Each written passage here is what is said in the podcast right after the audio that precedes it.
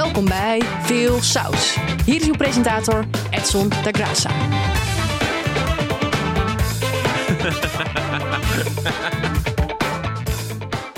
Oké dan.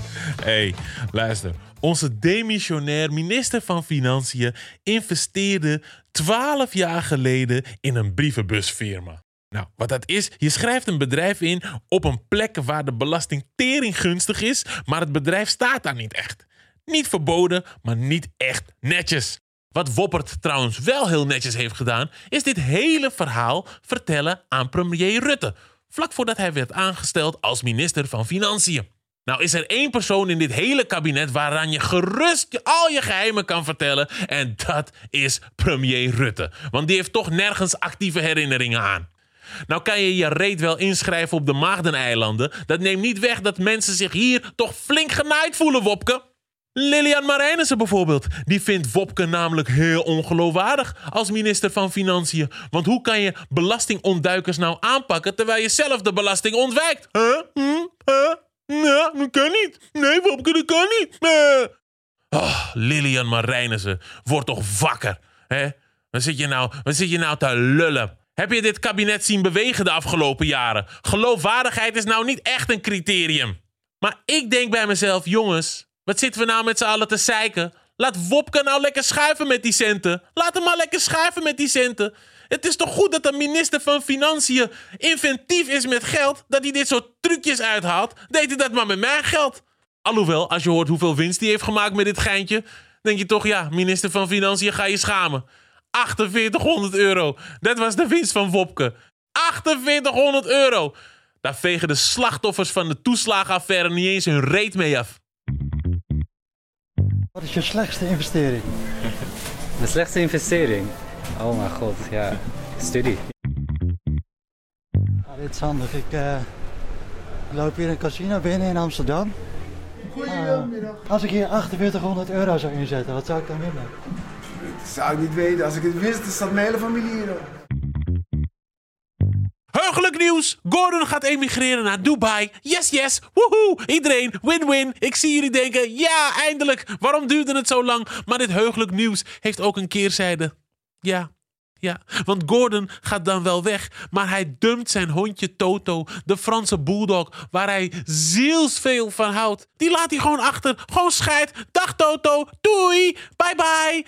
Ah, zielig. Die Franse bulldog van Gordon heeft overigens eigen Instagram-account. Die hond heeft een following waar menig influencer jaloers op zou zijn. Je ziet allemaal foto's van Gordon en het hondje. Hondje in de mand of op zijn borst. Ik kan die twee niet onderscheiden. Het is allebei heel harig. Hè?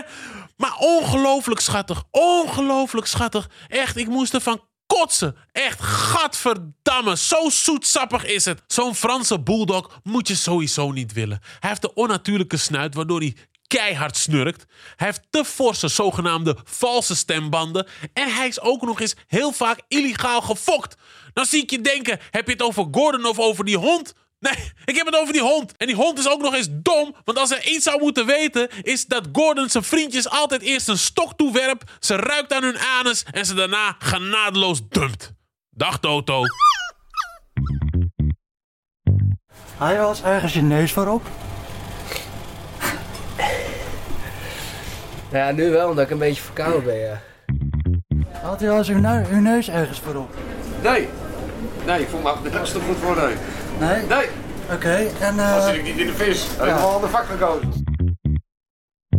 Luister, ik moet jullie eerlijk bekennen. Het zal misschien eh, rauw op jullie dak vallen. Maar eh, ik, heb he- ik heb helemaal niks met wielrennen. Ik heb gewoon helemaal niks met wielrennen. Ik snap het gewoon niet. Al die gasten die een soort van treintje achter elkaar aanrijden. met hun hoofd naar beneden. Zit bijna met je hoofd in iemand anders reet.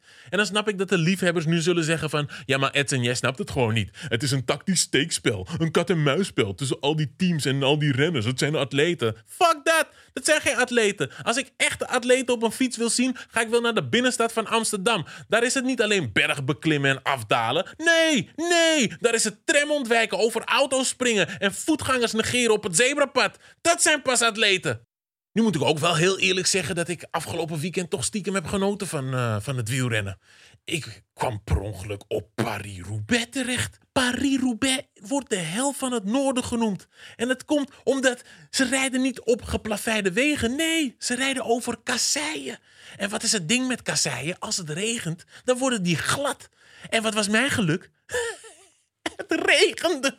Het regende keihard. Er lag overal modder.